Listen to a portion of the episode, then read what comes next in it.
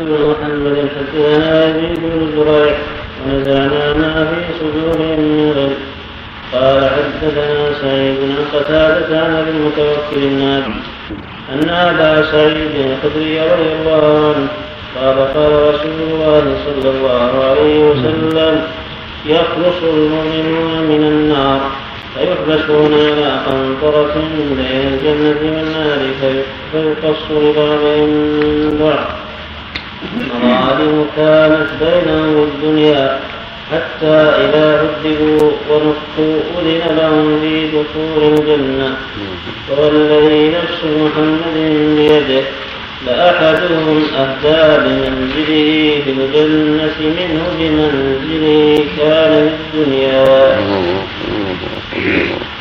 هذا من رحمة الله جل وعلا أنهم إذا خلصوا من الصراط ونجا المؤمنون من الصراط وجاوزوه إلى الجنة وقفوا على في محل هناك.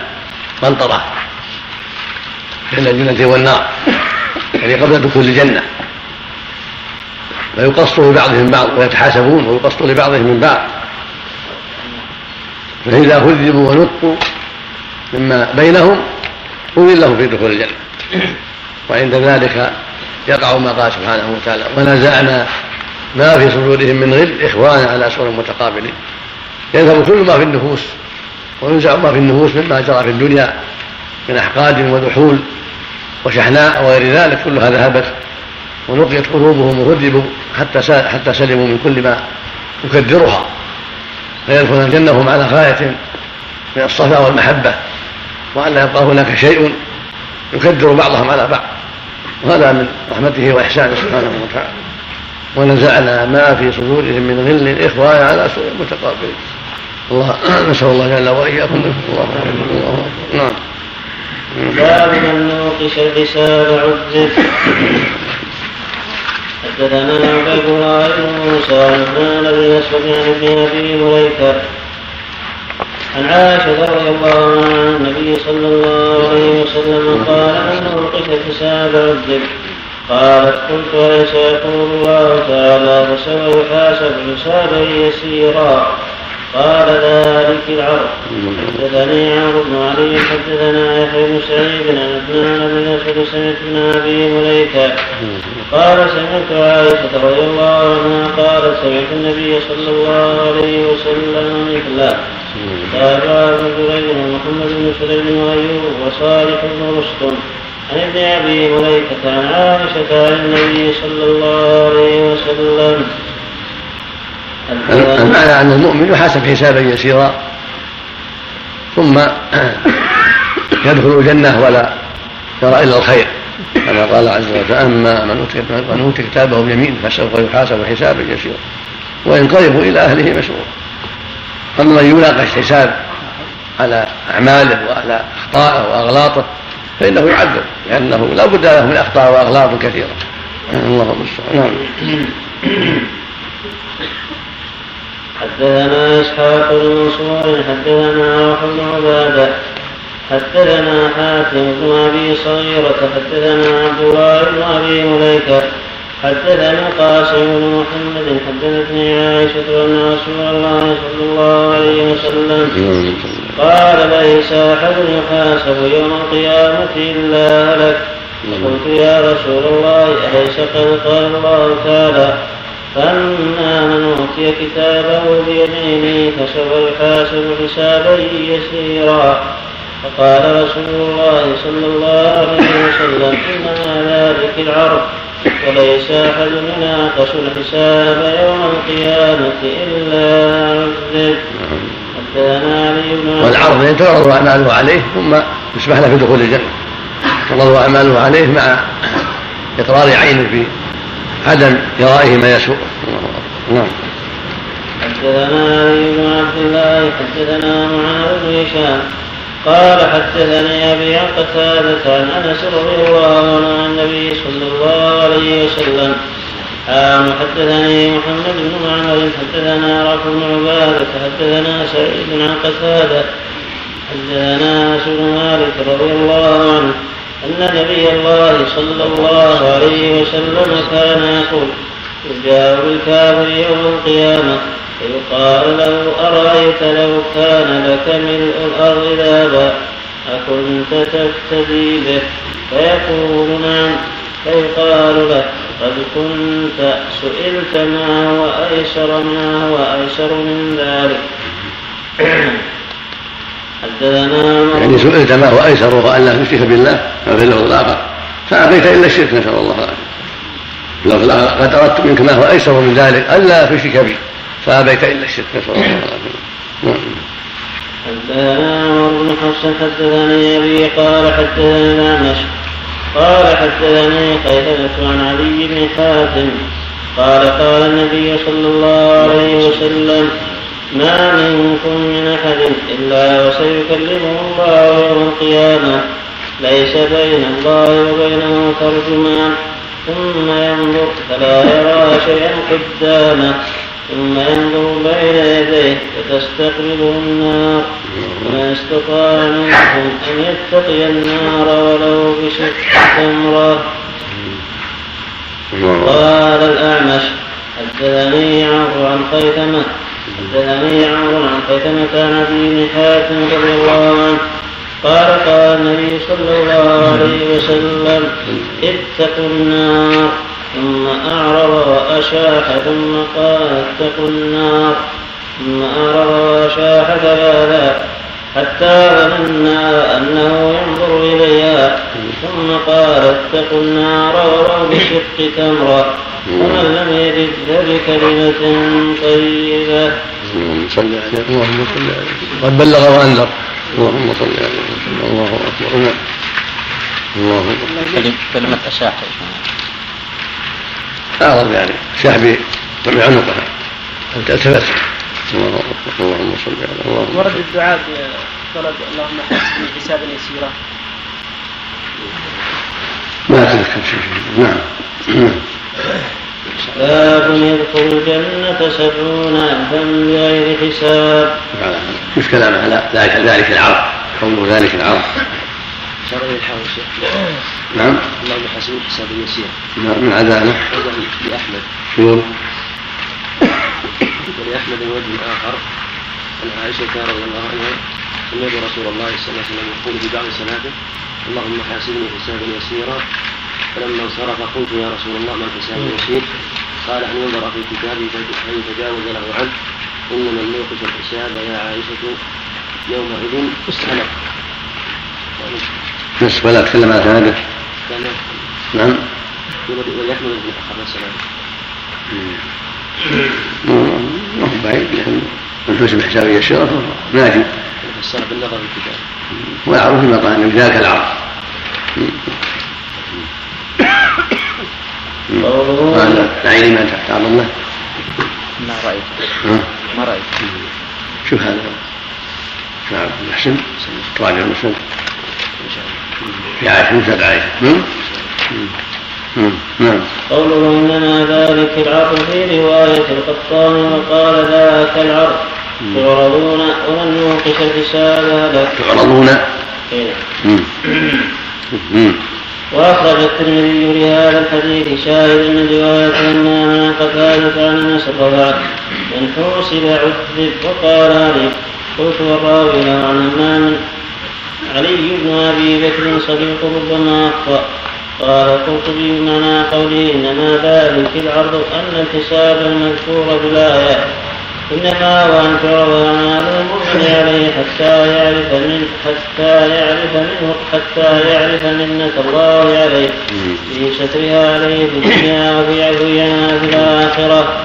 كما في حديث ابن عمر في النجوى قال عياض قوله عذب له معنيان أحدهما.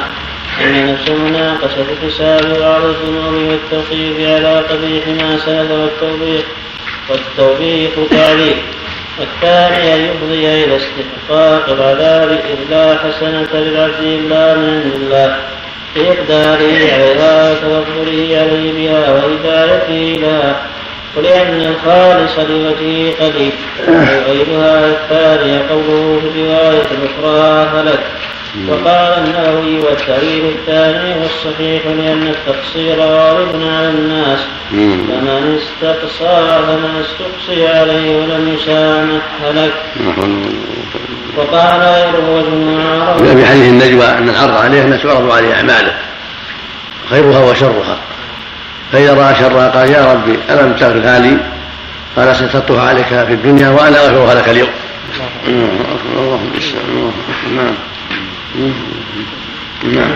وقال غيره بالمعارضة أن لفظ الحديث عام في تعبير كل من حوسب ولفظ الآية دال على أن بعضهم لا يعذب وطريق أن المراد بالحساب في الآية العرض وهو إبراز الأعمال وهو إبراز الأعمال وإظهارها فيعرف صاحبها بذنوبه. ثم يتجاوز عنه ويعيده ما وقع عند البزار والطبري من طريق من طريق عباد بن عبد الله بن الزبير سمعت عائشة رضي الله عنها تقول سألت رسول الله صلى الله عليه وسلم عن حساب يسير قال الرجل يعرض عليه ذنوبه ثم يتجاوز له عنها في حديث أبي بكر عند مسلم يتاب الرجل يوم القيامة فيقال اعرضوا عليه صغار ذنوبه الحديث. وفي حديث جابر عند ابن أبي حاتم الحاكم من زادت حسناته ولا سيئاته فذاك الذي يدخل الجنه بغير حساب. ومن استوت حسناته وسيئاته فذاك الذي يحاسب حسابا يسيرا ثم يدخل الجنة. ومن زادت سيئاته على حسناته فذاك الذي أوبق نفسه وإن الشفاعة في مثله. ويدخل في هذا حديث ابن عمر في النجوى وقد أخرجه المصنف في كتاب المظالم وفي تفسير سورة هود وفي التوحيد وفيه يدنو أحدكم من ربه حتى يضع كنفه عليه. فيقول وعملت كذا وكذا فيقول نعم. فيقدره. ثم يقول إني سترت عليك في الدنيا وأنا أغفرها لك اليوم جاء في كيفية العرض ما أخرجه الترمذي من رواية علي بن أبي الرفاعي عن الحسن عن أبي هريرة رضي الله عنه رفعه. تعرض الناس يوم القيامة ثلاث تعرض الناس يوم القيامة ثلاث عرضات أما عرضتان فجدال ومعابر وعند ذلك تطير الصحف الأيدي فآخذ بيمينه وآخذ بشماله. قال الترمذي لا يصح لأن الحسن لم يسمع من أبي هريرة. وقد رواه بعض عن علي بن علي الدفاعي عن الحسن عن أبي موسى انتهى عند ابن ماجه وأحمد من هذا الوجه مرفوعا وأخرجه البيهقي في الباب الحسن عن عبد الله بن مسعود رضي الله عنه موقوفا قال الترمذي الحكيم الجدال للكفار يجادلون لأنهم لا يعرفون ربهم فيظنون أنهم إذا جادلوا نجوا والمعاذير اعتبار الله لآدم وأنبيائه بإقامته الحجة على عباده بإقامته الحجة على آبائه والثالثة للمؤمنين وهو العرض الأكبر. تنبيه وقع في رواية لابن مردوية عن هشام عروة عن أبي عن عائشة مرفوعة. لا يحاسب رجل يوم القيامة إلا لا يحاسب رجل يوم القيامة إلا دخل الجنة. وظاهره يعارض حديث المذكور بالباب. وطريق الجمع بينهما أن الحديثين معا في حق المؤمن ولا وهو تنبيه؟ تنبيه. وقع في رواية ابن مردوية عن هشام بن عروة عن أبي عائشة رضي الله عنها مرفوعا لا يحاسب رجل يوم القيامة إلا دخل الجنة. الله والله أعلم أنه انقلاب. الله أنه انقلاب. انقلاب مردوية ويجمع الرأس والسمين قد يكون. مما انقلب على بعض الرواة من شيخه أو بعد شيخه. كلام حاسب لا يناقش حساب أحد إلا هلك فانقلب عليه. نعم. الله الله اعلم انه انقلاب سم بركه سم نعم. نعم بسم الله الرحمن الرحيم نعم. من حسنة سيئة نظر على العراق قول بعض السلف. قول بعض السلف. حديث جابر نعم عند ابي حاتم والحاتم والبيهقي نعم. على سيئات حديث جابر هذا؟ عن النبي أو من جابر المعنى هذا نعم حديث جابر إيه. عند ابي حاتم والحاتم والزارف حسناته على سيئات إيه. وذاك الذي يدخل الجنه بغير حساب ما ذكر ما ذكر هذا عندكم مرفوعا لا ما ذكر. نعم هذا نص القرآن فأما من ثقلت موازينه فهو في عيشة راضية من من زادت الحسنات على السيئات نجا. نص القرآن الكريم. نعم. نعم. بسم الله الرحمن الرحيم. الحمد لله رب العالمين والصلاة والسلام على نبينا محمد وعلى آله وصحبه أجمعين. قال الإمام أبو عبد الله البخاري رحمه الله تعالى باب يدخل الجنة سبعون ألفا بغير حساب. حدثنا عمران بن ميسرة حدثنا ابن فضيل حدثنا حسين آه، حدثني أسيد بن زيد حدثنا هشيم عن حصين ها وحدثنا. آه، حدثني أسيد بن زيد. أسير بالدال نعم. هذا عليه غريب غريب. شيخ غريب.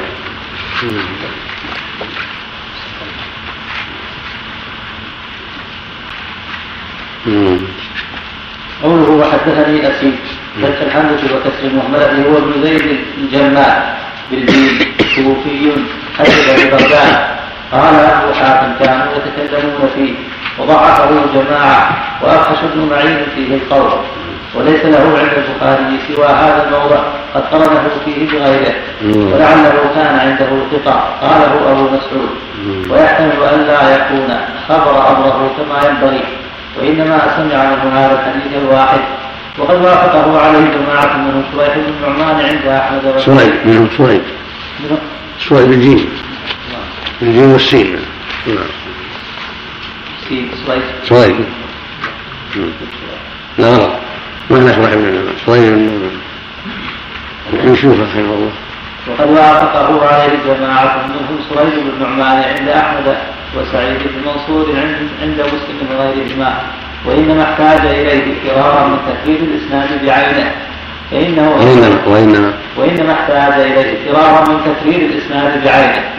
فإنه أخرج السند الأول في الطب في باب من افتوى ثم أعاده هنا فأورد إليه طريقه شيء.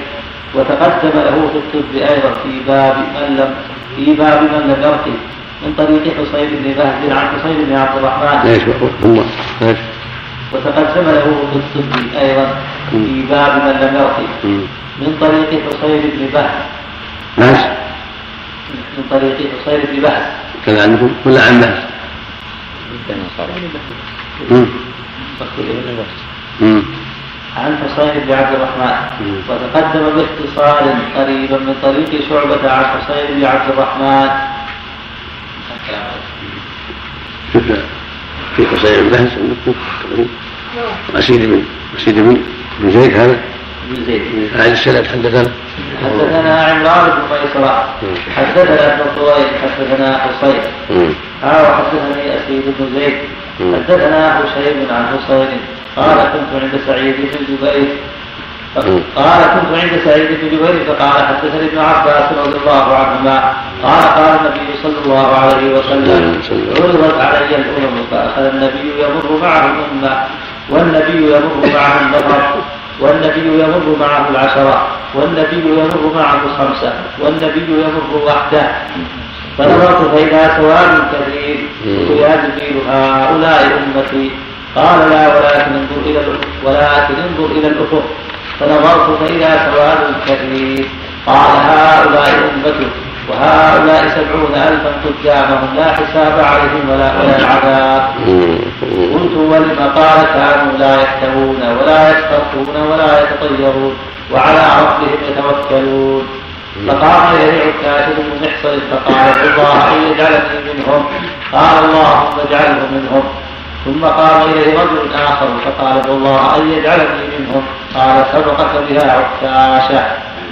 والمعنى أنهم كانوا غاية في الاستقامة وأداء الفرائض وترك المحارم وترك بعض الأشياء التي في قسم المباح. توكلوا على الله عز وجل وتلذذا بما يصيبهم واكتفاء بما شرع من من الأسباب المباحة والمشروعة وتركوا ما يكره كالكي وما ينبغي تركه أيضا وهو السؤال والاستلقاء اكتفاء بما لديهم من الأسباب الأخرى وتوكل على الله عز وجل وثقة به سبحانه وتعالى.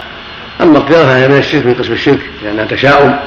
تركوها أيضا ولم يأتوا من الأسباب إلا ما صريح في أنه مشروع أو مباح لا شبهة فيه حرصا منهم على كمال إيمانهم وكمال تقواهم. وتقدم في الأحاديث الصحيحة ما يدل على جواز الاسترقاء إذا دعت الحاجة إليه وجواز الكي إذا دعت الحاجة إليه ولكن تركهما أفضل عند الاستغناء عنهما وعند وجود ما يكفي عنهما. ولهذا أمر أن يسترقى من العين وكوى بعض أصحابه وقال أشياء ثلاث كية نار شربة محجب شربة عسل وما أحب أن أكتوي في اللفظ الآخر وأنا أنه متع الكي فدل على أنه مكروه لكن عند الحاجة إليه تزول الكراهة. وهكذا الاسترقاء عند عدم الحاجة إليه بوجود ما يغني عن ذلك يكون تركه أولى لأن سؤال وحاجة إلى الناس. ورسول في سؤال الناس أنه أمر مذموم وتركه أولى. أما إذا رقى أخاه من دون أن يسأل هذا مطلوب ولهذا في اللفظ عند مسلم فمن استطاع أن ينفع أخاه فليفعل. نعم. نعم. يدخل في ذلك ترك العلاج مرض الطب الحديث لا ما يدخل في هذا لأن هذا مباح. عباد الله تداووا أمر به النبي صلى الله عليه وسلم. أو رقى نفسه بنفسه. نعم. أو رقى نفسه بنفسه. كذلك كان النبي يقي نفسه صلى الله عليه وسلم. نعم. مفهوم العدد في سبعين. جاء في رواية أخرى زاد زادني مع كل ألف سبعين ألفا كما ذكره المؤلف.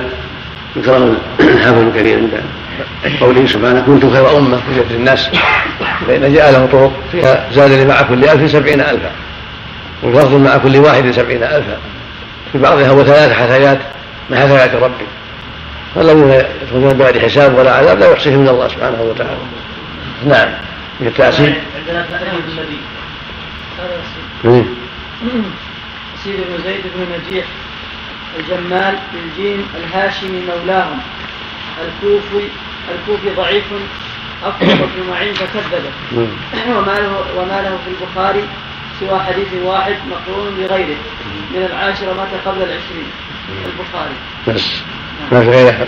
من زيد؟ ما في غيره. نعم. عفى الله عنك شيخ. نعم. زيادة يركبون عند مسلم نعم. زيادة يركبون. لا ما في عنده إذا تقول نعم. هذه رواها مسلم ولكنها ضعيفة عند أهل العلم غلط بعض الرواة. لأن الرقي الرقية من دون سؤال لا بأس بها مشروعة. نعم. عندك نبه على إذا تقول شارح نبه على رواية تقول. عند مسلم هي ليست عند البخاري رحمه الله. نعم. أو العين. نعم. آخر أربع منهم. آخر أربع من ثمانية ووقع في رواية سعيد بن منصور عند مسلم ولا يقول بدل ولا يحتوي وقد أنكر بدل بدل ولا يحتوي ولا يسترقون ووقع في رواية سعيد بن منصور عند مسلم ولا يقول بدل ولا يحتوي يحتوون نعم. وقد أنكر الشيخ تقي الدين ابن تيمية هذه الرواية. وزعم انها غلط من راو- من راويها مم. واعتذر بأن الراقي يحسن إلى الذي يقيه مم. فكيف يكون ذلك مطلوب الترك. وأيضا فقد فقد وأيضا فقد رقي جبريل النبي صلى الله عليه وسلم ورقي النبي صلى الله عليه وسلم رقى من باب رمى رقى يرقي بخلاف رقي من صعيدا. مم.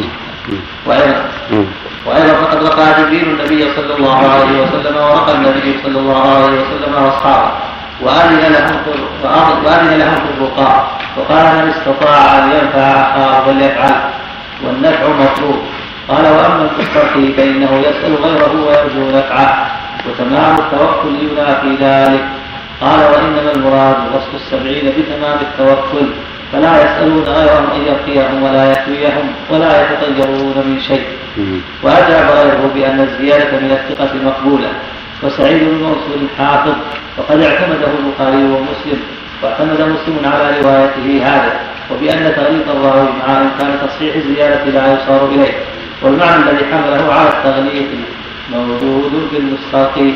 لأنه اعتل بأن الذي لا يطلب من غيره أن يعطيه تام التوكل. فكذا يقال له والذي يفعل غيره به ذلك ينبغي أن لا يوكله منه لأجل تمام التوكل.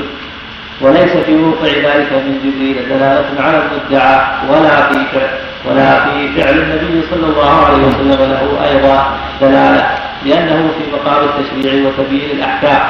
ويمكن أن يقال إنما ترك المذكورون إنما ترك المذكورون الرقى والاسترقاء حسنا للمادة لأن فاعل ذلك لا يأمن أن يكل نفسه إليه. وإلا فالرقي لأن لأن لأن لأن فاعل ذلك لا يأمن أن يكل نفسه إليه. يس نعم. وإلا فالرؤية في ذاتها ليست ممنوعة وإنما منع منها ما كان شركا أو احتمله ومن ثم قال النبي صلى الله عليه وسلم شاهدوا على رقاكم ولا بأس بالرقى ما لم يكن شرك. ففيه إشارة إلى علة النهي. كما تقدم تقرير ذلك واضحا في كتاب الطب. وقد نقل القرطبي عن غيره أن استعمال الرقى والكي غالب في التوكل بخلاف سائر أنواع الطب. وفرق وفرق وفرق بين القسمين بأن الرؤى فيهما أمر موهوب وما عداهما محقق عادة. كالأكل والشرب فلا يقع قال القرطبي وهذا فاسد من وجهين.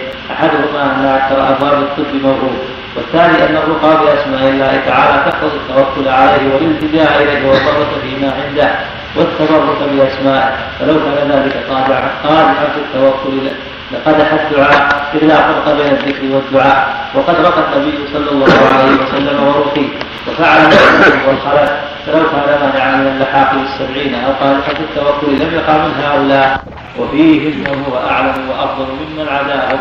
وتعقب بأنه بل على أن السبعين وتعقب وتعقب بأنه بنى كلامه على أن السبعين المذكورين أرفع رتبة من غير مطلقة وليس كذلك لما سأبينه.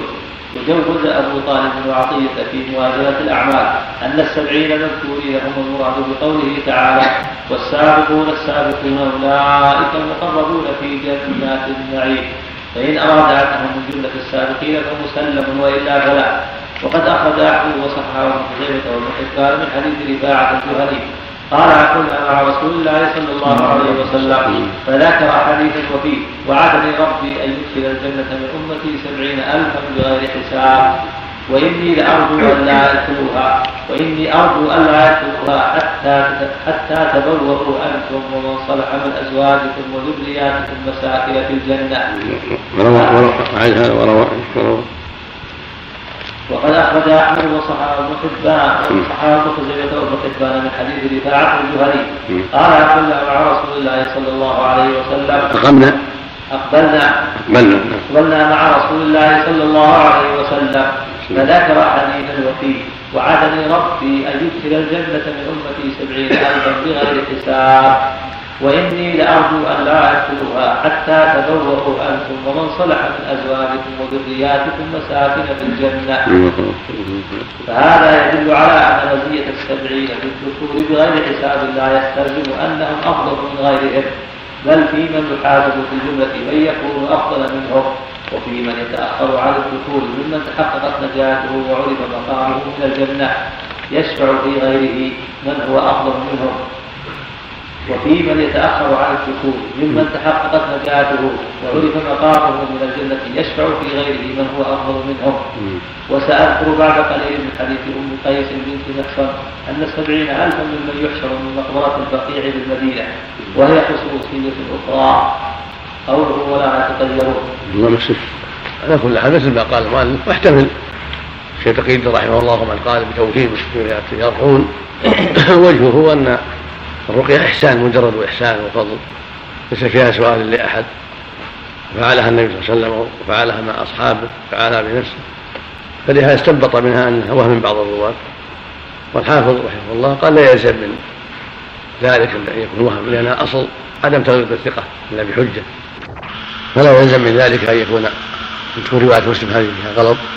ويكون مثل يسترقون. يكون هذا شيء بخصوص الرقية فقط. تركها أفضل. وإذا دعت الحاجة إليها فلا بأس. وفعل النبي صلى الله عليه وسلم من باب التشريع فإن جبرائيل كذلك فلا يلزم من ذلك تقليد الراوي. أمر محتمل. وبكل حال كون الرسول فعلها وفعلها أصحابه يكفي. وهكذا استبقى عند الحاجة إليه. فلا كراهة.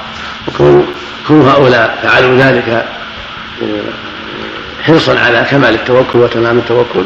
لهم أجرهم فيه ولهم فضله فيه ولا يلزم من ذلك كراهة عدم الاستلقاء أو كراهة الرقية أو كراهة شيء لغيرهم إذا دعت الحاجة إلى ذلك. نعم. هذا الله إذا طلب منها ذاكر الفرد بأنها ليست واحدة يمتنع. نعم. إذا طلب منها ذاكر لا لا يمتنع. أو لا يمتنع لأن إحسان. من زمن الإحسان. إذا نعم.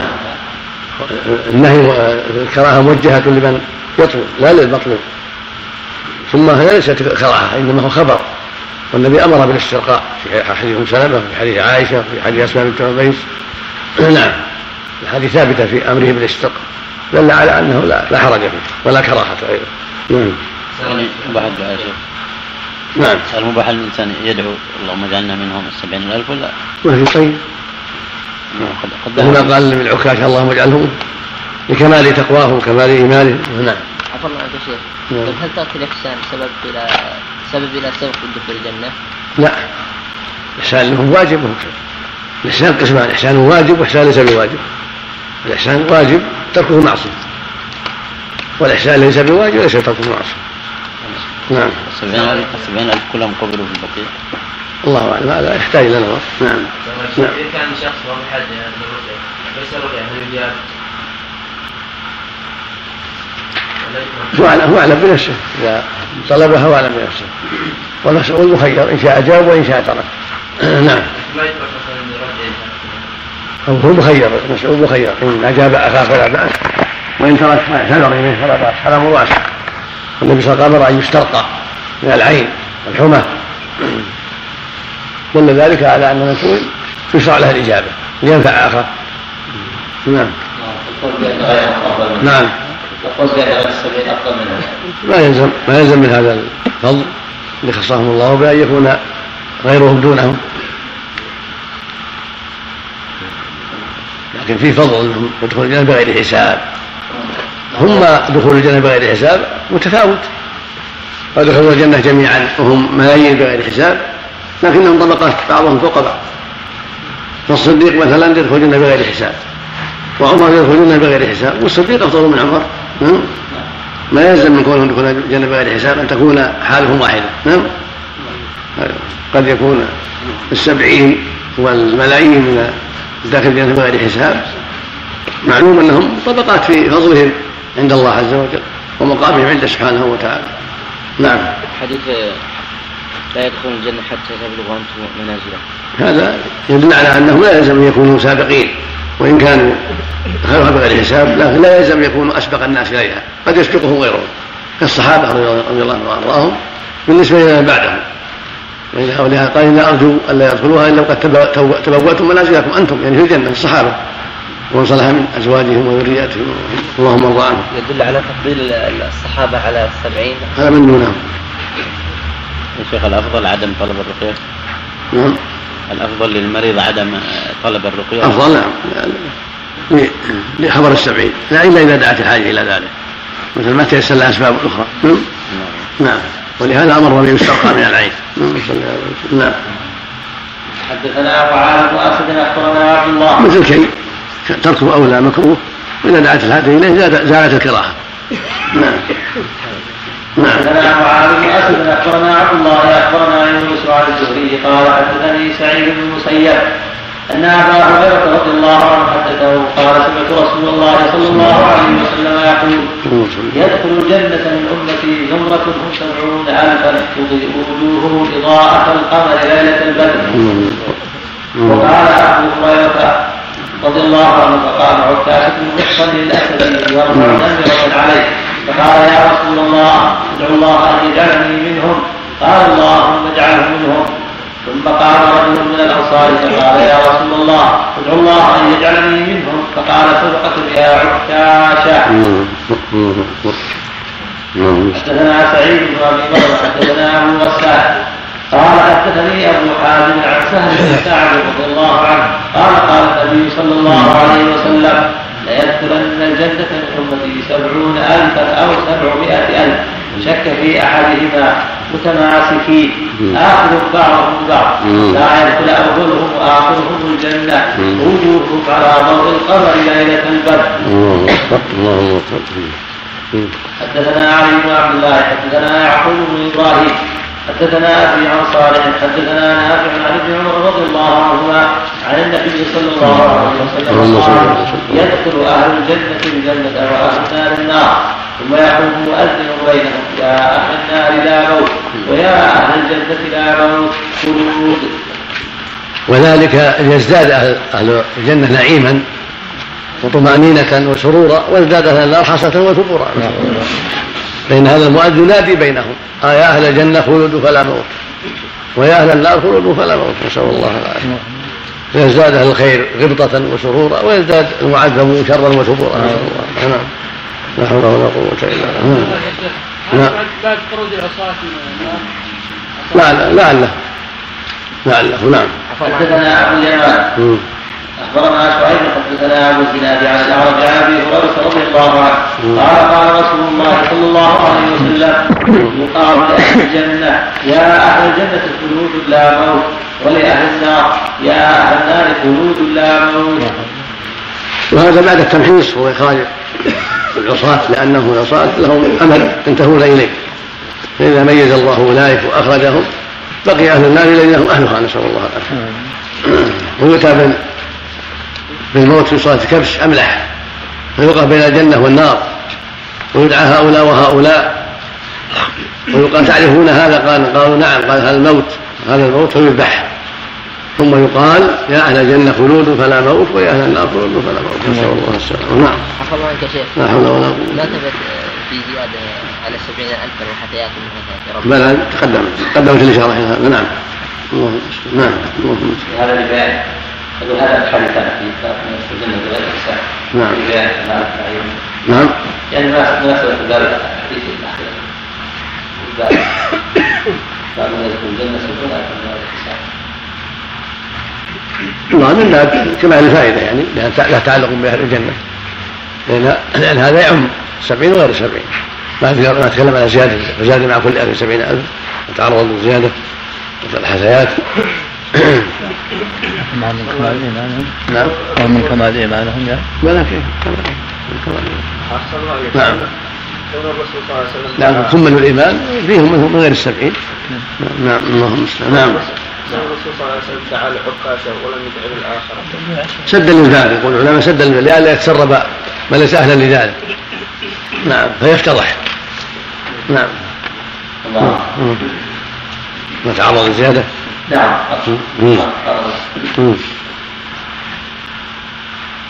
وقد وقع في أحاديث أخرى أن مع السبعين ألفا زيادة عليهم أن مع السبعين ألفا زيادة عليهم في حديث أبي هريرة رضي الله عنه عند أحمد والبيهقي في البعث في رواية سعيد بن أبي صالح عن أبي عن أبي هريرة رضي الله عنه عن النبي صلى الله عليه وسلم قال سألت ربي فوعدني أن يدخل الجنة من أمتي فذكر الحديث نحو سياق حديث سعيد بن المسيب عن أبي هريرة. ثاني أحاديث الباب وزاد فاستزدت ربي فزادني مع كل ألف سبعين ألفا. وسنده جيد. وفي الباب عن أبي أيوب عند الطبراني وعن حذيفة عند أحمد وعن أنس عند البزار وعن ثوبان عند ابن أبي عاصم. فهذه طرق يقوي بعضها بعضا. وجاء في أحاديث أخرى أكثر من ذلك.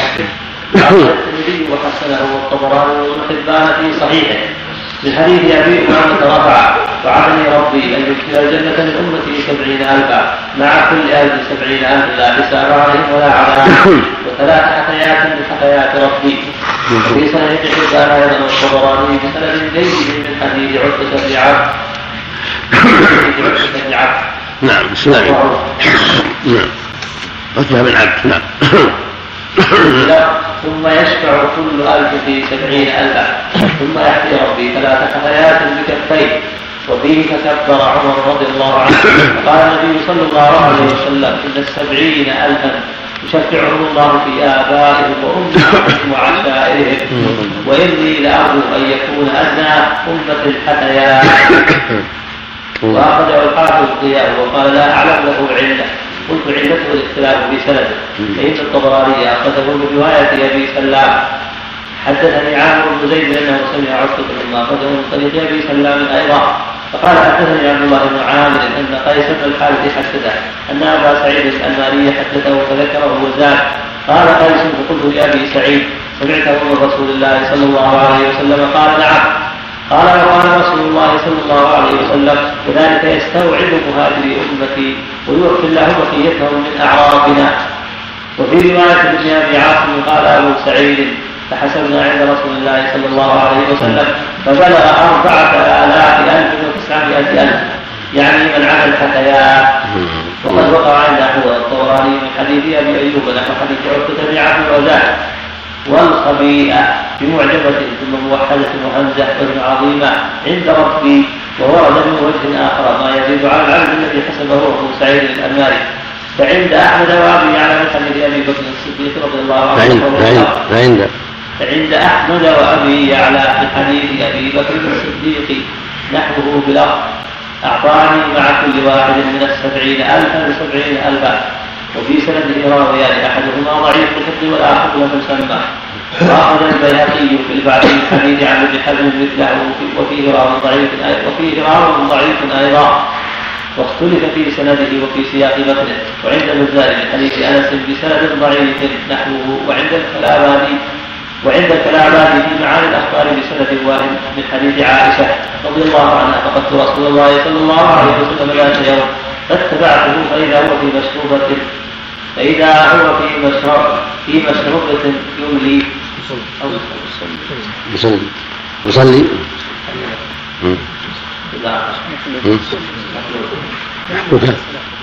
فإذا هو في مشروبة يصلي.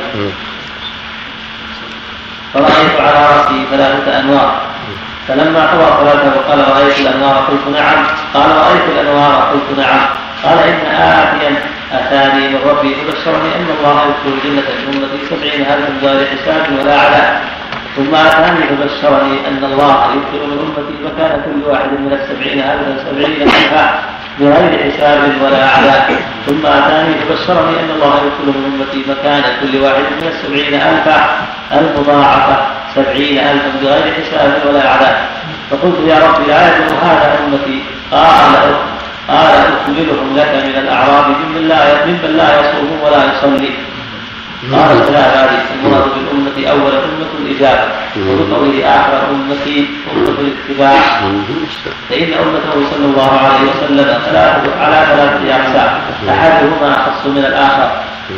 أمة الاتباع ثم أمة الإجابة ثم أمة الدعوة. والأولى أهل العمل الصالح والثانية مطلق المسلمين. والثالثة من عداهم ممن بعث إليهم. ويمكن الجمع بأن القدر الزائدة على الذي قبله هو مقدار الأحياء فقد وقع عند أحد من رواية قتادة عن النضر ابن أنس أو غيره. عن أنس رضي الله عنه وقع. إن الله وعدني أن يدخل الجنة من أمتي أربعمائة ألف. فقال أبو بكر رضي الله عنه زدنا يا رسول الله. فقال هكذا وجمع كفيه فقال زدنا. فقال وهكذا. فقال عمر رضي الله عنه حسبك. إن الله إن شاء ادخل أدخل خلقه الجنة بكف واحدة. فقال النبي صلى الله عليه وسلم صدق عمر وسنده وسنده جيد. لكن اختلف على قتادة في سنده اختلافا كثيرا. الزيادة اللي ذكر في الإمام لا يصوم مثل ما تقدم. سند واحد ليس بصحيح. نعم. نعم. والمهم ما تقدم في الروايات الصحيحة. مع كل ألف سبعين ألفا والحسنات. والحسنات لا يحصي ما فيها إلا الله سبحانه وتعالى. فإن فضله واسع وجوده عظيم سبحانه وتعالى. أما زيادة ما لا يصوم ويصلي فهي رواية واحية مثل ما قال المؤلف رحمه الله. وكذلك مع كل واحد كلها رواية ضعيفة وإنما المحفوظ مع كل ألف سبعين ألفا. نعم وفضل الله واسع جل وعلا. نعم سبحانه وتعالى كلها ذكر طرقها ضعيفة وإنما المحفوظ مع كل ألف سبعين ألفا. نعم. قال صلى الله عليه وسلم إن آتينا ثاني غير جبريل عليه السلام. والله أعلم. نعم. قد يأتي بعض قد يأتي بعض الملائكه غير جبريل نعم. باب صفه الجنه والنار بارك الله سم الحسنات بغير حساب. لا يحسبها لا يعرفها إلا الله ما يعلمها إلا الله سبحانه في المنتقى لأن بعض الاخوان يحب ان يسمع المنتقى قبل. الفتاوى بعد المنتقى نعم. بسم الله الرحمن الرحيم. بسم الله رب العالمين والصلاة والسلام على نبينا محمد وعلى آله وصحبه أجمعين. قال ابن رحمه الله تعالى ثم أيضا ينبغي المؤمن في مثل هذه الأمور أن يحرص على الاستقامة ولا يغتر بمجرد الترغيب فإن الإنسان قد يفوت الخير الكثير بسبب اغتراره. ولهذا لما ذكر صلى الله عليه وسلم الوضوء وفضل الوضوء قال فلا تغتروا.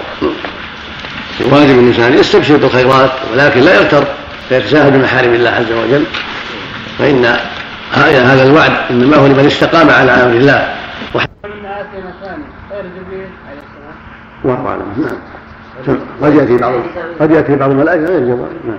باب صفه الجنه والنار بارك الله سمع بغير حساب لا يحسبها لا يعرفها إلا الله. ما يعلمها إلا الله سبحانه في المنتقى لأن بعض الإخوان يحب أن يسمع المنتقى قبل. الفتاوى بعد المنتقى نعم. بسم الله الرحمن الرحيم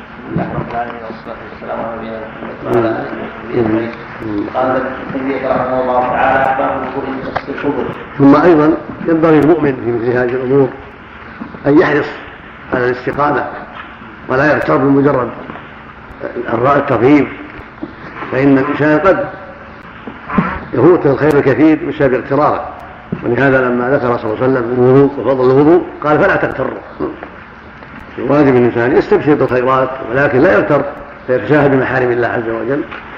فإن هذا الوعد إنما هو لمن استقام على أمر الله وحقق اوامره ونواهيه ولم ينقد لهواه وطاعة الشيطان. الواجب الحذر دائما والاخذ بالعزائم والاستقامة على الحق حتى يلقى ربه. نعم. رب العالمين والصلاة والسلام على نبينا محمد. وعلى اله وصحبه صل قال الإمام البخاري رحمه الله تعالى باب صفة الجنة والنار.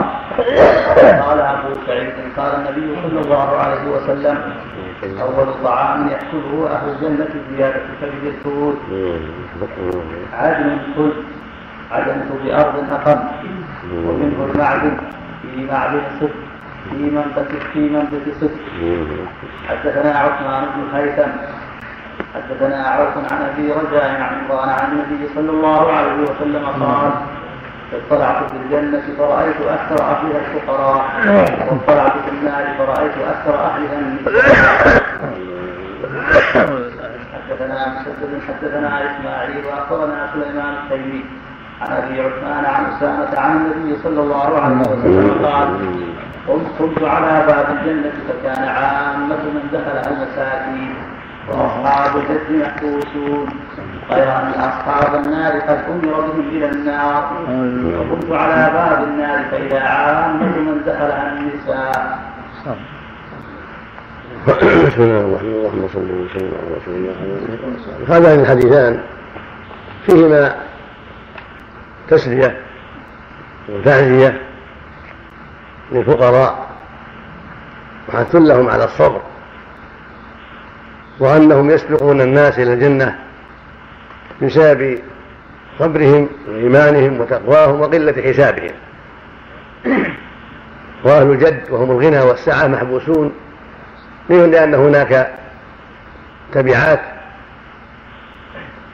يحاسبون عليها ويتأخرون بأسبابها عن دخول الجنة وإن كانوا من أهلها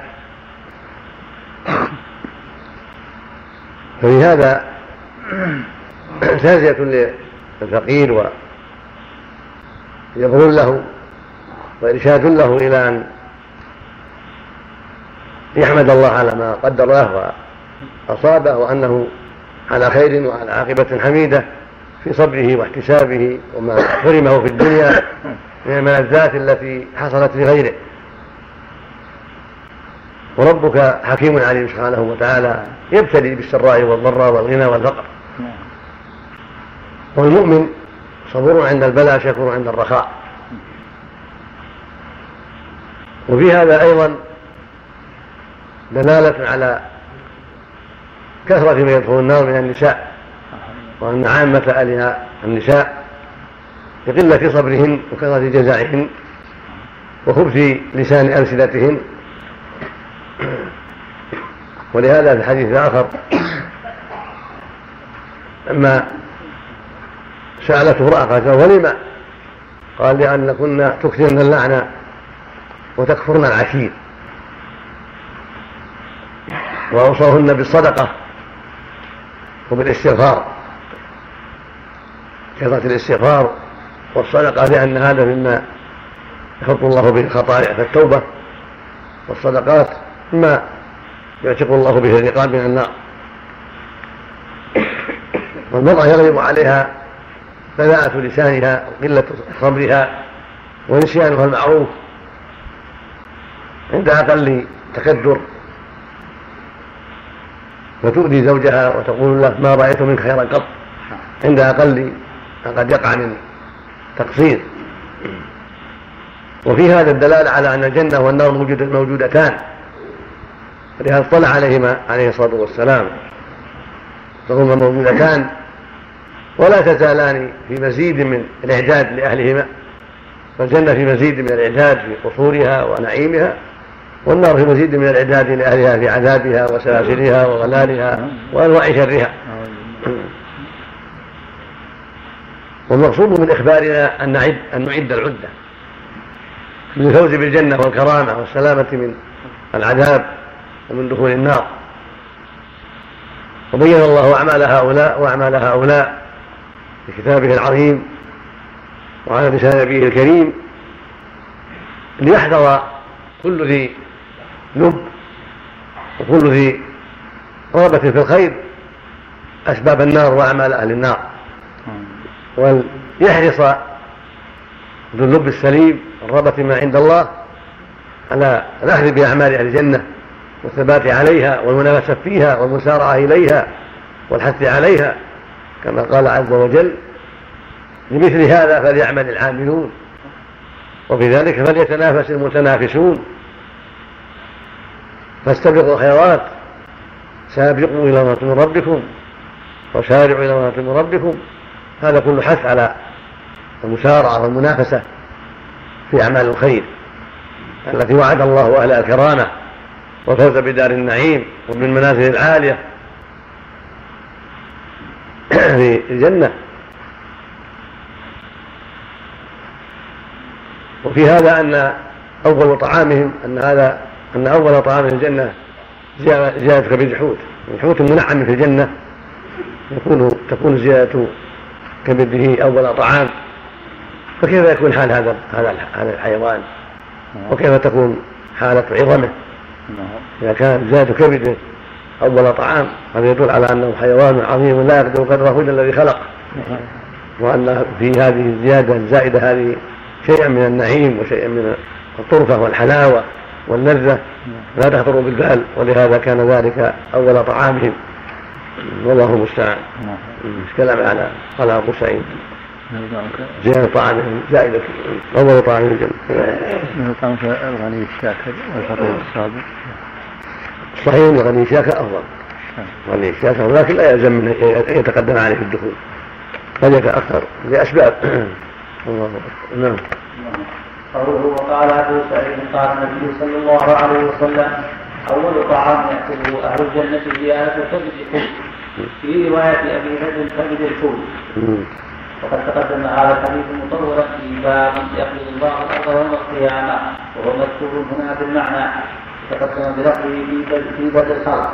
لكن من حديث أنس رضي الله عنه في سؤال عبد الله بن سلام قوله ماشي نعم. عين زاد شيء؟ ما الله ما زال شيء؟ لا ما زال نعم. ماشي الله إليك. قول النبي صلى الله عليه وسلم فرأيت أكثر هل هذا صورت له أحوالهم أو أنه عرفهم من حال مشاكلهم؟ لا لا. مصيبة نعم. وطلع بقلب الله ورحمة اللهم طيبا نافعا نعم معدن نعم. معدن ومنزل ويفسر قوله تعالى جنات عدن. يعني جنات خلد جنات إقامة ليست بساتين طعن وانتقال وسمى الله جنات عدن يعني أنها جنات إقامة وخلد لا ضعن فيها ولا زوال لها. نعم. والمعدن سمي معدن لأن عدن فيه الشيء الذي نبت فيه. والمعادن لأن عدل فيها ما خلق فيها من ذهب أو فضة أو حديد قد استقر فيها. نعم. نعم. لا بس قصد قصد استطراد في استطراد في معنى العدل عدل مقصوده الاستطراد. سميت معادن لأنها عادنة لأنها مقيمة خالدة في محلها يعني مقيمة فيها. إقامة تناسبها نعم. معدن بكسر نعم. فينبت نعم. هذا اسم المكان. مفعل. من الثلاثي. فعل يفعل اسم المكان مفعل. مثل منزل. مجلس. ومنبت واشباه نعم. نعم. أليس كره الجنة أيضا هم أكثر أهل الجنة وهم أكثر أهل النار جميعا. هم أكثر أهل الجنة لأن كل كل واحد من أهل الجنة له زوجتان فأكثر وليس فيه معزل فصار النساء أضعاف أهل الجنة وهم أيضا أكثر أهل النار لكثرة الشر في نساء الدنيا نعم هم أكثر أهل النار من نساء الدنيا لأجل معاصيهم وكفرهم نعم وهم أكثر أهل الجنة لما معهم من الحور العين. نعم. مثل ما قال أبو هريرة هم أكثر أهل الجنة وهم أكثر أهل النار. الله نعم. لكن اللي في النار نساء الدنيا. وأما اللي في الجنة فخلطون من نساء الدنيا ومن الحور نعم. حدثنا معاذ بن اسد أخبرنا عبد الله أخبرنا عمر بن محمد بن زيد. وهو عام للنساء من الرجال من الجن والإنس. الجن والإنس نعم جميعا نعم. حدثنا معاذ بن اسد أخبرنا عبد الله أخبرنا بن محمد بن زيد. عن أبيه أنه حدثه عن ابن عمر رضي الله عنهما قال قال رسول الله صلى الله عليه وسلم إذا صار أهل الجنة إلى الجنة وأهل النار إلى النار جيء بالموت حتى يجعل بين الجنة والنار ثم يذبح ثم ينادي مناد يا أهل الجنة لا موت يا أهل النار يا موت. ويزداد أهل الجنة فرحا إلى فرحهم ويزداد أهل النار حزنا إلى حزنهم. وتقدم هذا الحديثين السابقين وأنه ينادي منادي في أهل الجنة من عند الله عز وجل. يا أهل الجنة خلود فلا موت ويا أهل النار خلود فلا موت. ليزداد أهل الجنة نعيما وليزداد أهل النار عذابا. والظاهر والله أن هذا بعدما يخرج الله من كان في النار يعني التوحيد. فإذا لم يبقى فيها إلا أهلها وهم الكفرة ينادي فيه ينادى فيهم هذا النداء وأنهم خلود فلا موت. وفي هذا أن الموت يصور له في صورة كبش. أمدح من الغنم ثم يذبح في مكان يراه هؤلاء وهؤلاء. هذه من آيات الله. النار اللي في أسفل سافلين وفي أبعد شيء والجنة في على عليين وبينهما يراها يرى هؤلاء ويرى هؤلاء. هذه من آيات الله هو على كل شيء قدير سبحانه وتعالى. ثم يدعى يقال لهم يا أهل الجنة خلود فلا موت ويا أهل النار خلود فلا موت. حتى ييأس أهل النار من الفرج يزداد شرهم وعذابهم وبلاؤهم. وحتى يزداد أهل الجنة نعيما بعلمهم بأنه لا موت. وأنه نعيم دائم وحياة دائمة ليس فيها تمييز بالموت. فيا لها من يا لها من نعمة عظيمة. اللهم وفقوا لها نسأل الله يجعلنا وإياكم من أهل السعادة. لا حول ولا قوة إلا بالله. اللهم سلم سلم. نعم. حدثنا وهذا الموت غير الملك. الملك مو يذبح الموت نفسه. الموت الذي هو في يد الملك يقبل به الأرواح وهو معنى من المعاني خلقه الله شيء خلقه الله. الله أعلم بصفته وحقيقته. هذا الموت الذي هو في يد الملك وهو يتصرف فيه الملك. يجعل حيوان يجعل في صورة حيوان وربك على كل شيء قدير. كما أنه يجعل أعمال أجساما توزن. فيجعل الموت حيوانا يذبح. الله أكبر. نعم. حدثنا حدثنا أبو عامر بن أسد أخبرنا عبد الله. أخبرنا مالك بن أنس عن زيد بن أسلم عن عطاء بن يسار عن أبي سعيد الخدري رضي الله عنه. قال قال رسول الله صلى الله عليه وسلم إن الله تبارك وتعالى يقول لأهل الجنة يا أهل الجنة فيقولون لبيك ربنا وسعديك. فيقول هل رضيتم؟ فيقولون وما لنا لا نرضى وقد أعطيتنا ما تعط احدا من خلقك. فيقول أنا اعطيكم افضل من ذلك؟ قالوا يا رب وأي شيء افضل من ذلك؟ فيقول أحل عليكم إخواني فلا أسقط عليكم بعده أبدا.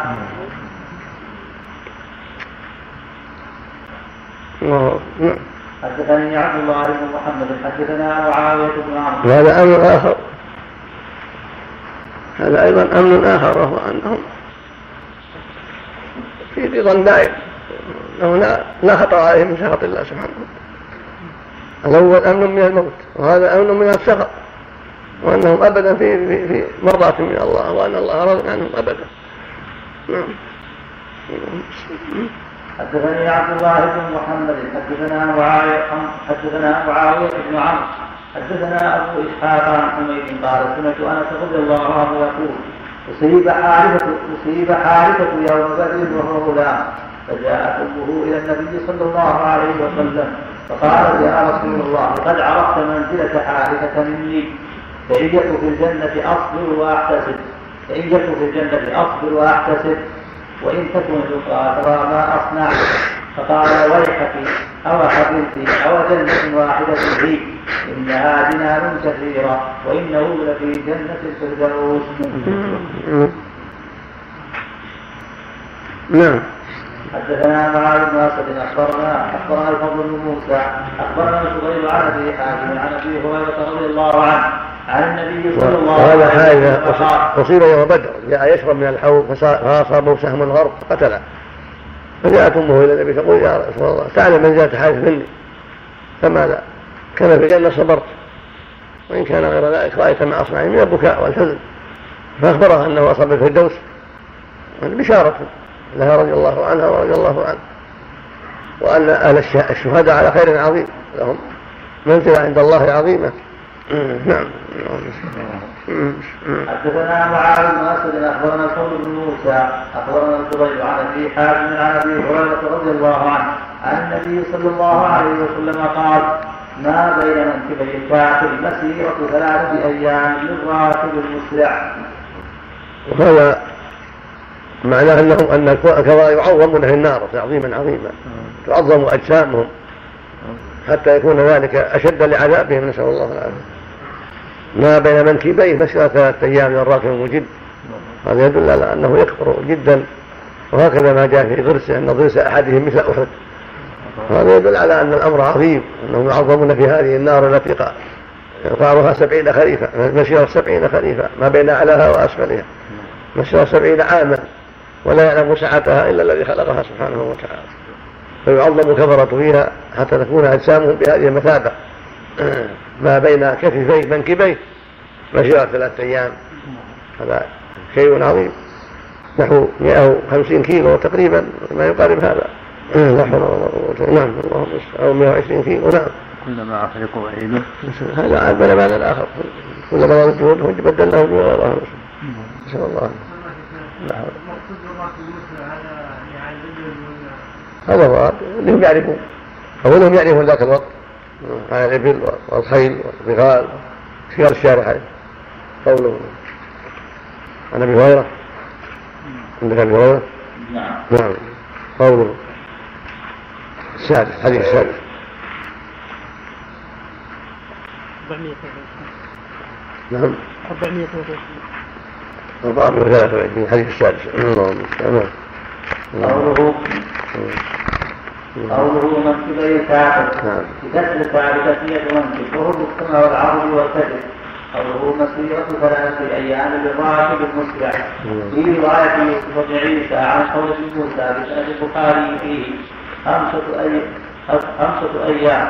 أخرجه الحسن بن سفيان في مسنده عنه في حديث ابن عمر رضي الله عنه عند أحمد من رواية مجاهد عنه مرفوعا يعظم أهل النار في النار. حتى إن بين شحمة أذن أحدهم إلى عاتقه مسيرة سبعمائة عام. وللبيهقي في البعض من وجه آخر عن مجاهد عن ابن عباس رضي الله عنهما مسيرة سبعين حديثا ولابن المبارك بن زهد عن أبي هريرة رضي الله عنه قال درس الكافر يوم القيامة أعظم من فقد يعظمون لتمتلئ منهم وليذوقوا العذاب. وسنده صحيح وهذا وهذا يدل على أنهم أنواع. يدل على أنهم أنواع في النار وأنهم يختلفون في العوض وأنهم ليسوا على حد سواء منهم من يكون مسيره ثلاثة أيام ومنهم من يكون مثل ما ذكر ما بين عاتق شهد 700 عام. هذا يدل على عظمة عظيمة لا حول ولا قوة إلا بالله. وظاهر الأحاديث أنه أقسام وأصناف في في عظمهم عظم أجسامهم في النار نسأل الله. العافية نعم. إجبال وسنده سنده صحيح نعم.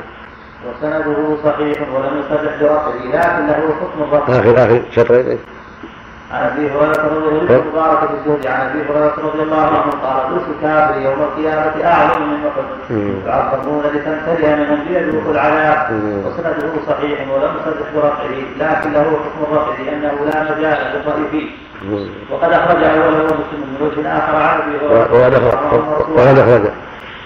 وقد أخرج. أوله مسلم نعم. من وجه آخر عن أبي هريرة رضي الله عنه مرفوعا وزاد. وغلظ جلده مسيرة ثلاثة أيام. وأخرجه البزار من وجه ثالث عن أبي هريرة رضي الله عنه بسند صحيح بلفظ. غلظ جلد الكافر وكثافة جلده اثنان وأربعون ذراعا.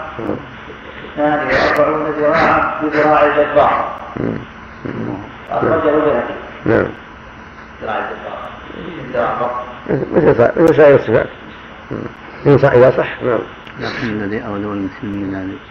هم مثل لما أودوهم هم أقسام هم أقسام. كثر أقسام وأصناف. نعم. وأخرجه البيهقي وقال أراد بذلك التهويل يعني بلفظ الجبار. قال ويحتمل أن يريد جبارا من الجبابرة إشارة إلى عظم الذراع. وجد ابن حبان لما أخرجه في صحيحه بأن الجبار ملك كان في اليمن. في مرسل عبيد بن عمر عند ابن المبارك في الزهد بسند صحيح. وكثافة جلده سبعون ذراعا. وهذا يؤيد الاحتمال الأول لأن السبعين تدخل المبالغة وللبيهقي من طريق عطاء بن يسار عن أبي هريرة رضي الله عنه. وفخذه وفخذه مثل ورقاء ومقعده مثل ما بين المدينة والقبلة وأخرجه الترمذي ولفظه بين مكة والمدينة. وورقاء بفتح الواو وسكون الظاهر بعد قاف جبل معروف بالحجاز وضبلت الحجر وقتها قريبا في حديث أبي ذر رضي الله عنه. وكأن اختلاف هذه المقادير محمول على اختلاف تعليم الكفار في النار. وقال القرطبي في المفهم انما إنما عظم خلق الكافر في النار ليعظم عذابه ليعظم عذابه ويضاعف ألمه. وقال إنما إنما عظم خلق الكافر في النار ليعظم عذابه ويضاعف ألمه. ثم قال وهذا إنما هو حق إنما هو في حق البعض بدليل الحديث الآخر. إن المتكبرين يحشرون يوم القيامة أمثال الذب في صور الرجال. يساقون إلى سجن في جهنم يقال له بولا قال ولا شك في أن الكفار متفاوتون في العذاب كما علم كما علم من الكتاب والسنة. نعلم على القطع أن عذاب من قتل الأنبياء وفتك في المسلمين وأفسد في الأرض ليس متساويا لعذاب من كفر فقط وأحسن معاملة المسلمين مثلا. قلت أما الحديث المذكور فأخرجه الترمذي والنسائي بسند جيد عن عبد بن شعيب عن أبيه عن جده رضي الله عنه. ولا حجة فيه مدعى لأن ذلك إنما هو في أول الأمر عند الحشر وأما الأحاديث الأخرى محمود يعني يحشر يعني يحشر أمثال الذر إهانة لهم. ثم يعظمون في النار نسأل الله العافية لا منافاة. مثل ما قال المؤلف لا منافاة. حيث يوم القيامة أمثال الذر المتكبرون إهانة لهم وصغارا لهم. ثم يعظمون في النار كما يشاء الله سبحانه وتعالى. نعم. نعم. وأما الأحاديث الأخرى محموله على ما بعد الاستقرار في النار. وأما ما أخرجه الخدري من حديث ابن عمر رضي الله عنه رفع إن الكافر إن الكافر لا يسحب لسانه. الفرسخ والفرسخين يتوفأه الناس وسنده ضعيف. وأما تفاوت الكفار في العذاب فلا شك فيه. ويدل على قوله تعالى. نعم. الذين كفروا وصدوا عن سبيل الله زدناهم عذابا فوق العذاب بما كانوا يفسدون. وهم متفاوتون بلا شك. نعم. نسأل الله العافية. نعم. اللهم قال وقال إسحاق بن إبراهيم أخبرنا المغيرة بن سلمة حدثنا وهيب حدثنا وهيب بن أبي حازم. وهيب عن أبي حازم. وهيب عن. وهيب بن خالد. نعم رحمه الله نعم. حدثنا وهيب عن أبي حازم عن سعد بن سعد رضي الله عنه عن رسول الله صلى الله عليه وسلم قال إن في الجنة لشجرة يسير الراكب في ظلها. إن في الجنة لشجرة يسير باطل في ظلها مئة عام لا يقطعها. يسير الراكب إن في الجنة لشجرة يسير باطل في ظلها مئة عام لا يقطعها. الله أكبر قال أبو حازم تحدثت به النعمان كأبي عياش فقال حدثني أبو سعيد عن النبي صلى الله عليه وسلم قال إن في الجنة لشجرة يسير الراكب جواد أو المضمر السريع مئة عام وما يقطعها. حدثنا قتيبة حدثنا عبد العزيز عن أبي حازم عن سهل بن سعد رضي الله عنه أن رسول الله صلى الله عليه وسلم قال ليدخلن الجنة من أمتي سبعون أو سبعمائة ألف لا يدري أبو حازم أيهما قال متماسكون. آخر بعضهم بعضا لا يدخل أولهم حتى يدخل آخرهم وجوههم على صورة القمر ليلة البدر. حدثنا عبد الله بن مسلمة حدثنا عبد العزيز وهذا هذا أعلى ما سمعنا سورة القمر ليلة البدر. ثم الذين يلونهم على أشد كوكب دري وعاث في السماء. ورد في فتاوى الشيخ رحمه الله ما يدل على انه ورد على طول الشمس. ولم ولم أقف عليه. ينبغي أن يلتبس هذا الورد والحافظ فيما أعلم ما ما ذكر هنا. لا لم يلتبس هل ورد شيء في هذا؟ هذا رواية القمر نعم. الرواية السابقة. وقال إسحاق بن إبراهيم. هل تكون معلقة؟ نعم. سنة إبراهيم. وبره نعم. شيخ له. شيخ له. نعم. لكن تعتبر من باب التعليق. نعم. نعم. إذا قال قال لنا مذاكرة لا نعرف قال وإذا ما قال لنا هو معلق. نعم. حدثنا عبد الله بن مسلمة ما تكلم عليه؟ قال قال إسحاق.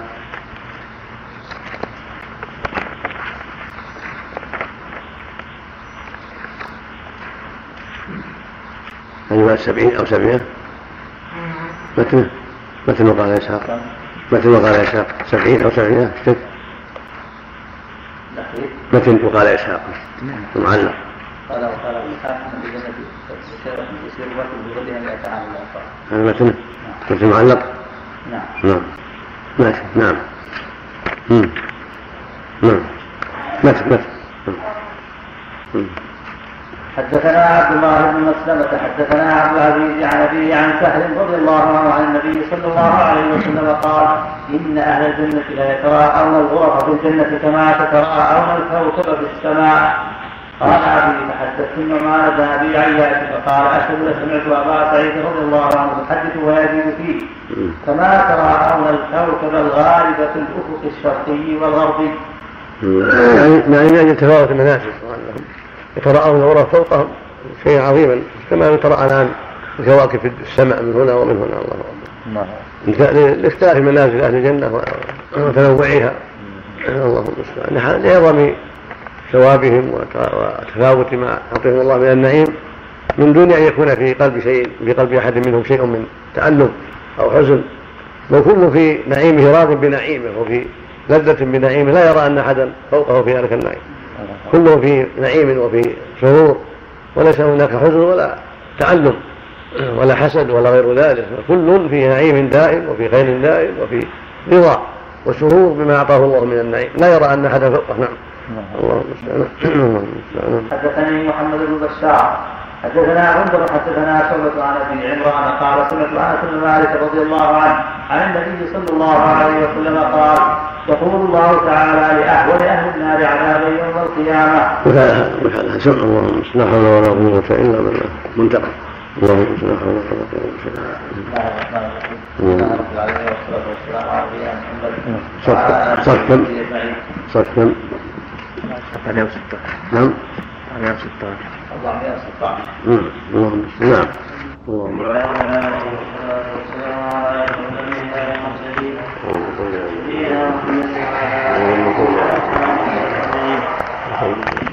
اللهم صل البخاري رحمه الله تعالى حدثني محمد بن عباس حدثنا غندر حدثنا شعبة عن عمران قال سمعت بن مالك رضي الله عنه عن النبي صلى الله عليه وسلم قال يقول الله تعالى لأحول أهل النار عذابا يوم القيامة. لو أن لك ما في الأرض من شيء كنت تستدعي به فيقول نعم. فيقول أردت منك أول من هذا وأنت في صلب آدم. ألا تشرك بي شيئا. فأبيت إلا أن تشرك بي. حدثنا أبو النعمان هذه الإرادة الشرعية. أراد الله شرعا منه إرسال الرسل وإنزال الكتب. أراد الله جميع العباد أن لا يشركوا به هم في أصلاب آبائهم. ولكن من غلب عليه الشقاء أبى إلا إلا أن يشرك بالله سبحانه وتعالى. من سبق له من الله الشقاوة فإنه لا حيلة فيه نسأل الله العافية. ولهذا يقول سبحانه إن الذين كفروا ماتوا الكفار فلن يقبل من أحد منه الأرض ذهبا ولو افتدى أولئك لهم عذاب أليم وما لهم من ناصر نسأل الله العافية. هذا يوجب للمؤمن شكر الله كثيرا وحمده كثيرا على ما من به من الهداية ويوجب له أيضا الضراعة إلى الله سبحانه كثيرا أن يثبته على الهدى وأن يعيده من نزغات الشيطان من شر نفسه وهواه. ومن دعاة الباطل وشياطين الإنس فهو على خطر حتى يلقى ربه. فليسأل ربه الهداية والثبات على الحق. وليجتهد في طلب الحق وطلب العلم والتفقه في الدين وسؤال الله العافية من ضلات الفتن حتى يلقى ربه سبحانه بخروج روحه على الإسلام. نعم اللهم نعم. لا حول ولا قوة حدثنا أبو النعمان حدثنا حماد عن بن جابر رضي الله عنه. أن النبي صلى الله عليه وسلم قال يخرج من النار بالشباب كأنه التعاريق قلت وما التعاريق قال ابن غابيس وكان قد سقط تعانين بالنون النونين تعانين الرائن نعم. فقلت لعمرو بن دينار أبا محمد سمعت جابر بن عبد الله يقول سمعت النبي صلى الله عليه وسلم يقول يخرج بالشباب من النار قال نعم. وهذا فيه الرد على الخوارج والمعتزلة ومن سار في طريقهم من القائلين بأن العاصي مخلد في النار وأن هذه الأحاديث عن رسول الله صلى الله عليه وسلم وهي متواترة تلقاها أهل الإيمان وأهل السنة بالقبول. كلها دالة على أن العاصي الموحد الذي مات على الإسلام لا يخلد في النار بل يعذب فيها ما شاء الله إذا دخلها. فإذا طهر من سيئاته وخبثه انتقل إلى الجنة. ولهذا تواترت الأخبار عن رسول الله صلى الله عليه وسلم بذلك. وأما العمومات التي فيها ربنا إنك من فقد أخزيته وما أشبه ذلك هذه كلها في الكفار. كذلك قوله جل وعلا كذلك يريهم الله أعمالهم حسرات عليهم وهم بخارجين من النار يريدون يخرجوا من النار وما هم بخارجين ولهم عذاب مقيم. وما أشبه ذلك هذه كفر الكفرة. هذا يجوز حملها على العصاة. مع أن من دخل النار فقد أخزي بعض الخزي وإن كان غير غير كافر. لكن الآيات التي فيها الصريح ببقائهم وعدم خروجهم هذه الكفرة فلا يجوز ضرب الكتاب بعضه بعض ولا ضرب السنة بعضها بعض. بل السنة تفسر القرآن وتبين معناه وأن العصاة وإن كانوا متوعدين بالنار وإن دخلوها لكن مصيرهم إلى الخروج منها. على التطهير والتمحيص فلا يبقى فيها إلا من كفر بالله عز وجل. هم الذين يبقون فيها أبد الآباد. كما قال عز وجل إن الله لعن الكافرين وأعد لهم سعيرا خالدين فيها أبدا لا يجدون وليا ولا نصيرا. نسأل الله العافية. نعم. قل لا يقضى عليهم فيموتوا ولا يخافون عذابها كان يجزي كل كفور هؤلاء كلهم الكفار. والعصاة إذا خرجوا من النار يسمون يسمون جهنميين ثم تزول التسمية بعد ذلك. اللهم المستعان نعم اللهم حدثنا هدة بن خالد حدثنا امام بن قتادة. حدثنا انس بن مالك رضي الله عنه عن النبي صلى الله عليه وسلم قال يخرج قوم من النار بعدما مسهم منها سبع. عن ابي هريرة؟ حدثنا انس بن مالك نعم. رضي الله عنه عن النبي صلى الله عليه وسلم قال يخرج قوم من النار بعدما مسهم منها سبع فيدخلون الجنة. فيسميهم أهل الجنة الجهنميين. حدثنا موسى حدثنا وهيب حدثنا عمرو يحيى عن أبي عن أبي سعيد الخدري رضي الله عنه أن النبي صلى الله عليه وسلم قال إذا دخل أهل الجنة الجنة وأهل النار النار يقول الله من كان في قلبه مثقال حبة من خردل من إيمان فأخرجوه فيخرجون قد انتفشوا وعادوا حمما فيلقون فيه كذلك ضبط انتفشوا ولا امتحشوا احترقوا. ما ضبط. لا شك ما الأول عليه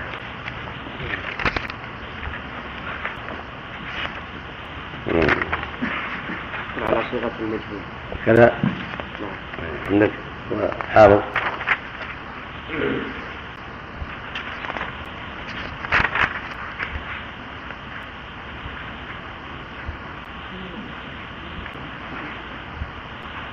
لا بأس. أن تحشي يعني أحرقوا. تحشوا قد أحرقوا نسأل الله العافية. نعم. نعم. نعم.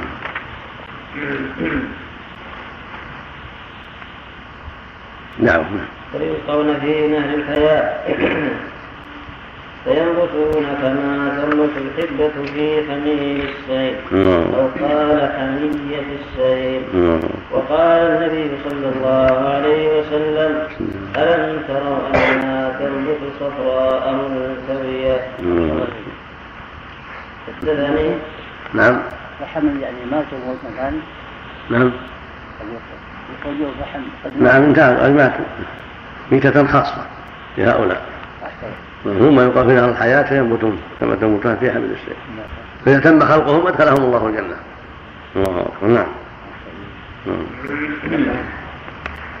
حدثني محمد بن بشار حدثنا عمر حدثنا شعبة قال سمعت أبا إسحاق قال سمعت النعمان سمعت النبي صلى الله عليه وسلم يقول إنا هنا للنار عذابا يوم القيامة لرجل توضع في أخمص في أخمص قدميه توضع في أخمص قدميه جمرة يغلي منها دماء. كذا أخمص غلطة؟ اللهم لا حول ولا قوة نعم؟ أحمص هذا لا أعرف أحمص قوله أحمص بقاء معجمة وصاد مهملة وزن أحمر ما لا يصل إلى الأرض من باطل القدم عند المشي؟ أنت عينك. ها؟ ما قال نعم نعم مساحل عندك خمس ما شغل نعم نعم حدثنا عبد الله بن وكاع حدثنا إسرائيل عن ابي إسحاق عن النعمان بن بشير رضي الله عنه. قال سمعت النبي صلى الله عليه وسلم يقول إنا ونار النار عذابا يوم القيامة رجل على أخمص قدميه جورتان يغلي منهما دماؤه كما يغلي المرجل بالقنقن هذا أهونكم عذابا من يوضع على قدميه على أخمص قدميه جمرتان في النار. يغلي منهما دماغه. فكيف بمن تكون النار فوقه وتحته؟ وعن يمينه وعن شماله. كما قال تعالى يوم يغشاهم العذاب من فوقهم ومن تحت أرجلهم كيف حاله نسأل الله العافية والسلام تقدم في حديث أبي أبي طالب. أن شفاعة تنفع شفاعتي فيكون في ضحضاح من النار. يغلي منه دماغه. وفي بعضها إن أهون أهل النار عذاب من يقول نعلان من النار. فالنعلان والجمرتان والضحضاء كلها متقاربة معا هؤلاء أهونهم عذابا. نسأل الله العافية. نعم قال عندك؟ هذا مرجو الرجال بالقرقم كما يرمي الرجال بالقرقم معنى القمقم تكلم عندك عليه؟ آخر. سطر 403 قوله كما يرد المبدل بالقمقم زاد في رواية الأنس لا يرى أن أحدا أشد عذابا منه وإنه لا ولهم عذابا والمرجل بكسر الميم وسكون الراء وفتح الجيم بعدها لام خضر من نحاس. ويقال وهو لكل إناء يغلي فيه الماء بغلابهما ليس منك والقمقم معروف من آية العطار ويقال وإناء ضيق الرأس يسخر فيه الماء يكون من نحاس وغيره فارسي ويقال رومي وهو معرب وقد يؤنث فيقال قمقمة قال ابن التين في هذا الترتيب نظر. وقال عيال الصواب كما يغلي المرجل والقمقم سوى اعتلاب الباء لأن لأنهما إناءان يسخن فيهما الماء. المرجل القدر والقمقم يسمونها من أول مسخنة. أسفلها واسع وعلوها ضيق. يسمونها مصاخن عندنا مسخنة. يعني يسخن فيها الماء. وهو إناء ضيق الرأس واسع الجوف. فالمعنى كما يغلي المرجل والقمقم أو, أو, أو القمقم. واو ولا أو؟ نعم. أما بالقمقم تقديم كان وهم بعض الرواة. نعم. وقال عيال الصواب كما يا المرجل والقمقم بواو الاعتبار الباء. وجوز غيره أن تكون الباء بمعنى مع وقع في رواية الإسماعيلي كما يرى المرجل أو القمقم بالشك. هذا الله. هذا نعم. وتقدم شيء من هذا في قصة أبي طالب.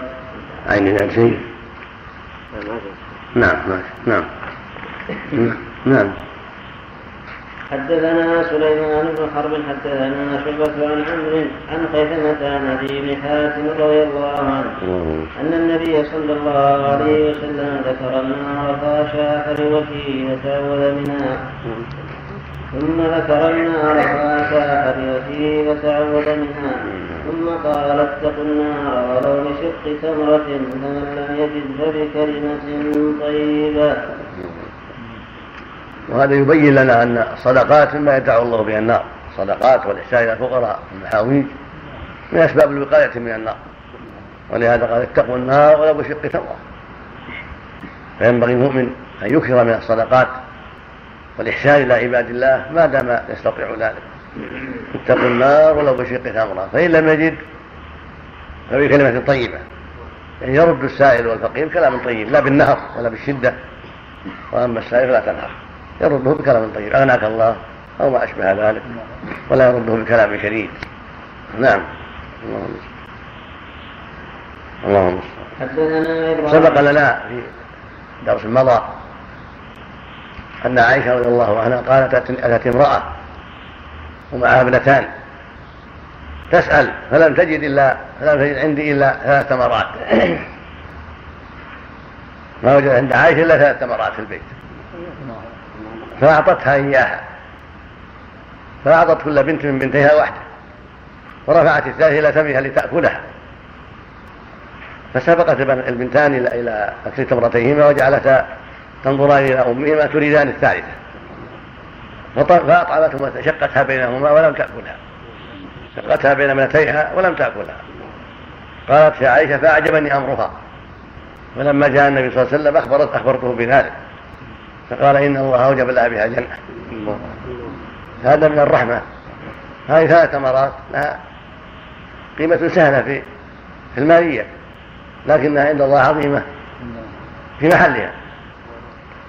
ثم فيه رحمة الوالدة وأن الإحسان إلى البنات والأولاد والفقراء من أسباب دخول الجنة. وإذا في اللفظ الآخر من ولي من هذه البنات شيئا فأحسن إليهن كن له سترا من النار فمن أحسن إلى بناته أو أخواته أو أيتامه كان ذلك له عتقا من النار سببا للنجاة من النار. فينبغي الإحسان والرأفة بالفقير والمسكين والحيوان. تقدم في قصة البغي من بني إسرائيل أنها رأت كلبا يأكل الثرى من العطش فنزلت إلى بئر. فأخذت في خفها ماء ثم صعدت فأسقطه. قال الرسول صلى الله عليه وسلم شكر الله لها ذلك فغفر له رحمتها لهذه البهيمة. نعم. الله. نعم. حدثنا إبراهيم بن حمزة حدثنا ابي حازم البخاري عن يزيد عن عبد الله بن خباب بن أبي سعيد الخدري رضي الله عنه. أنه سمع رسول الله صلى الله عليه وسلم وذكر عنده عمه أبو طالب فقال لعله تنفعه شفاعته يوم القيامة فيجعل في ضحراح من النار يبلغ كعبيه يغلي منه أم الدماغ. نسأل الله العافية. هذا وقد حمى النبي صلى الله عليه وسلم ونصره ودافع دونه بكل ما يستطيع لكن هذا ما ما نفعه لما مات على دين قومه لما مات على الكفر بالله ما نفعه في الآخرة. إنما خفف عنه بعض العذاب. الله وهذا يبين معنى قوله سبحانه اشركوا لحبط عنهم ما كانوا يعملون. هذا العمل العظيم الذي فعله لما كان لغير الله حمية لقومه حمية لابن أخيه ولم يكن لله وحده ولم يوحد الله ولم يسلم كان هباء منثورا. وقدمنا إلى ما عملوا من عمل فجعلناه هباء منثورا. نسأل الله